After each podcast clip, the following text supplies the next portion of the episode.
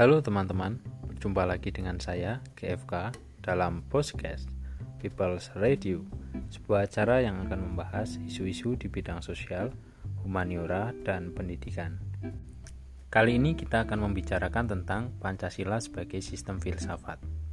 Pemahaman ini akan memberikan dasar pengetahuan tentang bagaimana Pancasila dimaknai dan dipahami sebagai satu kesatuan yang utuh dan tidak terpisah-pisah.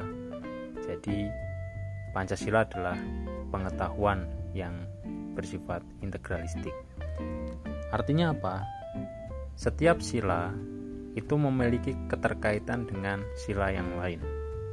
Jadi Pancasila tidak bisa dimaknai hanya dari satu sila saja atau dua sila saja atau tiga sila saja tetapi harus kelima-limanya ada juga pendapat yang mengatakan bahwa Pancasila sebagai sistem filsafat ini adalah sebuah cara untuk mengikat sila-sila di dalam Pancasila supaya memiliki satu orientasi yang sama tentang pembentukan identitas masyarakat. Kita bangsa Indonesia sudah dianugerahi satu dasar negara yang disusun melalui satu proses yang cukup panjang yang dikenal dengan nama Pancasila dan otomatis untuk menjadi bangsa Indonesia yang eksis dan memiliki pemahaman tentang keindonesiaan kita harus menjadi pribadi yang Pancasilais. Pribadi yang Pancasilais ini tidak cukup apabila kita hanya berketuhanan tidak cukup juga apabila kita hanya berkemanusiaan atau bersatu berkerakyatan atau berkeadilan saja. Lalu artinya apa? Artinya untuk menjadi manusia Indonesia yang Pancasilais, kita harus mentaati setiap sila di dalam Pancasila. Kita harus berketuhanan juga berperi kemanusiaan, juga bersatu, juga berkerakyatan dan berkeadilan. Itu memang terkesan berat dan oleh para pengkritik Pancasila sering kali karena muatan ide di dalam Pancasila itu yang terlalu idealis maka Pancasila juga dijuluki sebagai ideologi langit. Artinya apa? Nilai-nilai dan prinsip di dalam Pancasila itu sendiri adalah suatu gagasan yang terlalu tinggi dan sangat tinggi untuk dipahami secara integralistik. Padahal di dalam konsep Pancasila sebagai satu sistem filsafat kita perlu memaknai semuanya dalam kerangka berpikir yang akademis.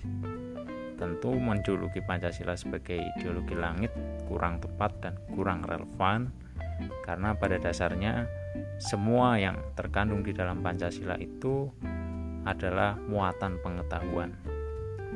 Kita tidak bisa memaknai itu sebagai satu muatan doktrin karena di era reformasi proses mendiskusikan Pancasila ini adalah satu kegiatan akademis yang tentu dalam konteks ini Pancasila didudukan sebagai satu konstruksi pengetahuan yang dapat dikaji secara mendalam dan kontekstual.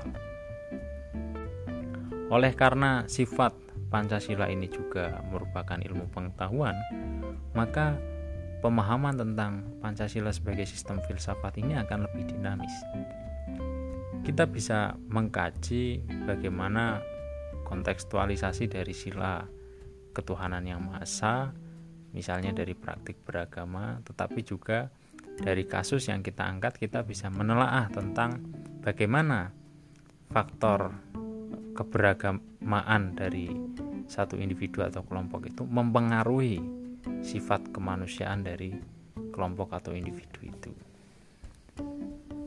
Lalu bagaimana sifat kemanusiaan dan sifat keberagamaan dari satu kelompok atau individu itu mempengaruhi pemahaman tentang persatuan atau nasionalisme tentang keindonesiaan. Begitu pula tentang kerakyatan, begitu pula tentang keadilan. Hal-hal semacam itu menjadikan Pancasila ini lebih hidup dan sifat multidimensi dari Pancasila itu bisa kita rasakan. Multidimensi artinya apa? Pancasila bisa dipandang dari beragam sudut, beragam perspektif yang pada intinya sudut pandang itu justru memperkuat kedudukan Pancasila. Bagaimana Pancasila bisa lebih kuat kedudukannya karena Pancasila selalu kontekstual dan relevan untuk dibicarakan terkait dengan kasus maupun fenomena yang ada di Indonesia itu sendiri. Sayangnya belakangan ini kita jarang melihat bagaimana Pancasila didiskusikan secara akademis. Misalnya di televisi atau di banyak acara yang ada kita jarang melihat pembahasan tentang kasus-kasus yang terjadi dalam kerangka berpikir Pancasilais. Dan di situ kita melihat bahwa pada dasarnya relevansi dari nilai-nilai dan Pancasila sebagai satu sistem filsafat yang integralistik itu tidak diterapkan secara aktual oleh manusianya sendiri atau oleh individu maupun kelompok di dalam aktivitas sehari-hari. Untuk itu kita sebagai mahasiswa harus membedakan diri dari kelompok yang hanya memiliki tujuan entertainment karena kita memiliki fungsi sebagai seorang pencerah. Untuk itu di dalam memaknai dan memahami Pancasila sebagai satu sistem filsafat yang integralistik itu, kita harus terus menjadikan Pancasila ini bermanfaat. Caranya bagaimana? Dalam keseharian kita ketika belajar, kita harus menerapkan kerangka berpikir dan prinsip-prinsip yang ada di dalam Pancasila. Karena bagi saya secara pribadi Pancasila ini merupakan satu standar yang membedakan manusia Indonesia dengan manusia dari bangsa lain. Ini merupakan satu standar berpikir, standar norma, standar moral, standar etika bagi bangsa Indonesia yang menjadikan kita itu memiliki identitas yang itu lekat bahwa dengan mengangkat prinsip dengan mengangkat nilai-nilai yang ada di dalam Pancasila itu di dalam pergaulan antar bangsa kita dapat tertandai sebagai bangsa Indonesia. Bayangkan ketika kita bangsa kita misalnya menganut liberalisme. Barangkali ketika kita bergaul dengan masyarakat internasional, kita bisa saja disebut sebagai Are you American? Apakah Anda orang Amerika misalnya? karena cara berpikir kita misalnya liberal atau mungkin ideologi yang lain sosialisme tetapi kan kita tidak menginginkan semacam itu kita menginginkan ya kita sebagai bangsa Indonesia baik tercermin di dalam individu maupun kelompok kita adalah berpancasila dan Pancasila selalu relevan dengan kondisi apa pun di dalam maupun di luar negeri. Nah, sebagai satu sistem filsafat, kata kuncinya adalah bagaimana kita sebagai seorang individu dapat memaknai secara menyeluruh poin-poin dan prinsip-prinsip di dalam Pancasila. Kita tidak menginginkan bahwa nilai-nilai di dalam Pancasila itu terpisah-pisah dan dalam tanda petik diberateli satu persatu sehingga terkesan tidak saling berhubungan padahal founding fathers kita sudah mengingatkan bahwa nilai-nilai dan prinsip yang ada di dalam Pancasila itu terikat saling mengikat saling mempengaruhi dan saling membutuhkan saling melengkapi sehingga Pancasila itu merupakan satu kebulatan tekad dan pemikiran dari bangsa Indonesia itu sendiri untuk memandang dan berjalan ke masa yang akan datang. Dan kata kunci berikutnya adalah tentang kebermanfaatan. Selagi kita terus melihat Pancasila sebagai sesuatu yang menuntun kita dan itu secara aksiologis menunjukkan kebermanfaatannya misalnya dalam hal berketuhanan karena Pancasila lah kita akhirnya tahu bahwa sebagai mas masyarakat atau bagian dari warga negara Indonesia kita memiliki satu standar. Yang pertama adalah berketuhanan. Dengan berketuhanan misalnya kita akhirnya mampu menjunjung nilai-nilai religi untuk mempertahankan eksistensi kita sebagai manusia dan melihat bahwa di luar kemampuan dan di luar sifat fisik dari manusia ini ada satu kekuatan yang bersifat metafisik yang mengendalikan kehidupan, menciptakan kehidupan dan itu adalah satu bentuk kekuatan yang maha agung dan maha cinta kasih dan satu kekuatan yang tidak tertandingi. Dalam sistem religi yang kita anut tentu berbeda-beda karena pengakuan terhadap agama di negara ini ada enam satu pemahaman yang perlu menjadi simpul bagi kita untuk menjadikan Pancasila ini kontekstual dengan proses eh, kehidupan beragama kita adalah tentang toleransi misalnya. Itu adalah satu nilai aksiologis dari Pancasila di mana Pancasila ini pada dasarnya tidak mengunggulkan atau tidak berusaha untuk menjadikan satu agama itu dominan tetapi dalam kedudukan Pancasila sebagai sistem filsafat kita tahu bahwa tidak ada agama yang dominan dan semua agama berkedudukan sama di dalam pemahaman atau pengetahuan Pancasila. Itu yang menjadikan Pancasila itu terus dinamis dan dan aktual untuk dibicarakan. Atau misalnya tentang nasionalisme. Kita tahu bahwa sebagian masyarakat yang terdidik yang e, memiliki menyandang status mahasiswa intelektual maupun akademisi di kampus tentu akan sangat paham dan harus paham tentang karakteristik dasar dari Pancasila sebagai sistem filsafat. Misalnya tentang nasionalisme di dalam sistem tersebut, katakanlah. Kita tahu bahwa kita sudah sangat sering mendengar kata nasionalisme atau cinta tanah air atau yang lebih aktual lagi tentang bela negara. Tetapi tidak menutup kemungkinan juga bahwa perkembangan dalam memahami nasionalisme Indonesia itu dari Sabang sampai Merauke itu berbeda-beda. Tetapi itu bukan soal di dalam proses pembahasan tentang Pancasila.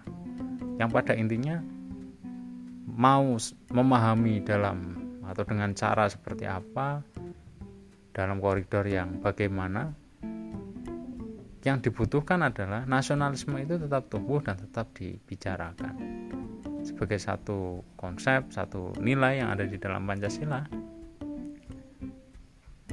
Sehingga kita tidak peduli perkembangan e, nasionalisme itu sampai di titik mana dari satu masyarakat yang pada intinya kita setia terhadap nasionalisme Indonesia itu sendiri dan terus e, memperbarui dan mengupgrade pemahaman kita tentang nasionalisme. Sehingga nasionalisme itu akan menjadi kontekstual dan bermanfaat bagi kehidupan kita. Paling tidak untuk merekatkan antar uh, suku bangsa atau etnis di Indonesia yang sangat beragam atau juga merekatkan antara umat beragama yang ada di Indonesia. Jadi secara praksis pemahaman tentang Pancasila sebagai sistem filsafat ya demikian dan kita bisa mengeksplorasi pengetahuan lebih jauh dengan melihat contoh-contoh kasus-kasus fenomena-fenomena di masyarakat tentang atau yang berkaitan dengan Pancasila itu sendiri.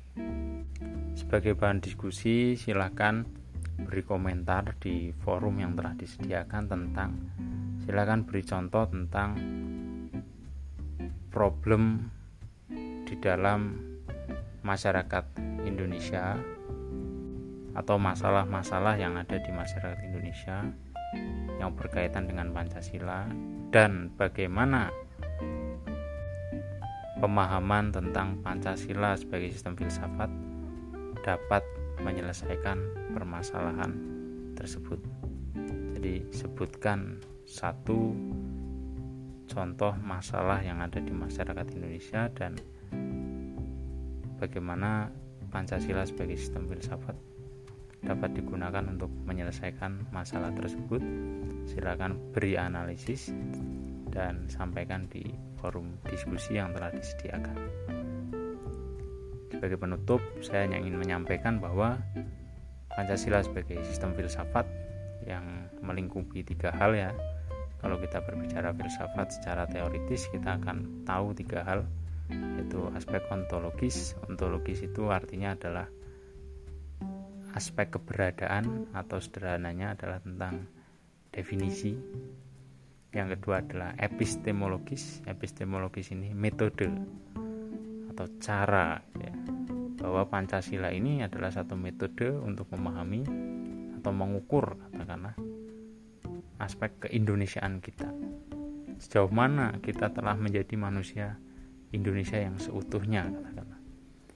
Dan yang ketiga adalah aksiologis atau bermanfaatan dari Pancasila itu sendiri. Dan kebermanfaatan ini juga berkaitan dengan aktualisasi dari Pancasila. Kita telah tahu banyak hal tentang keindonesiaan dan mungkin tentang Pancasila ini kita juga banyak memahami dari proses belajar yang telah kita lalui sejauh ini. Tetapi kita harus ingat bahwa sebagai satu sistem filsafat Pancasila adalah sebuah kerangka berpikir yang integralistik dan tidak bisa dipecah dipisahkan atau diganti istilahkan dengan uh, satu istilah yang lain atau baru. Karena itu akan merubah makna dan pemahaman tentang Pancasila itu sendiri. Dan kita tidak mau Pancasila ini berubah berubah dalam arti bentuknya tapi kita hanya ingin pemahaman manusia Indonesia dan pengetahuan manusia Indonesia tentang Pancasila ini terus diupgrade sehingga Pancasila ini akan tetap menjadi satu pemahaman yang dinamis dan dapat menuntun kita menuju satu perubahan yang lebih baik di masa yang akan datang. Saya kira itu yang dapat saya sampaikan. Terima kasih telah mendengarkan podcast ini. Tetap semangat belajar dan salam sehat.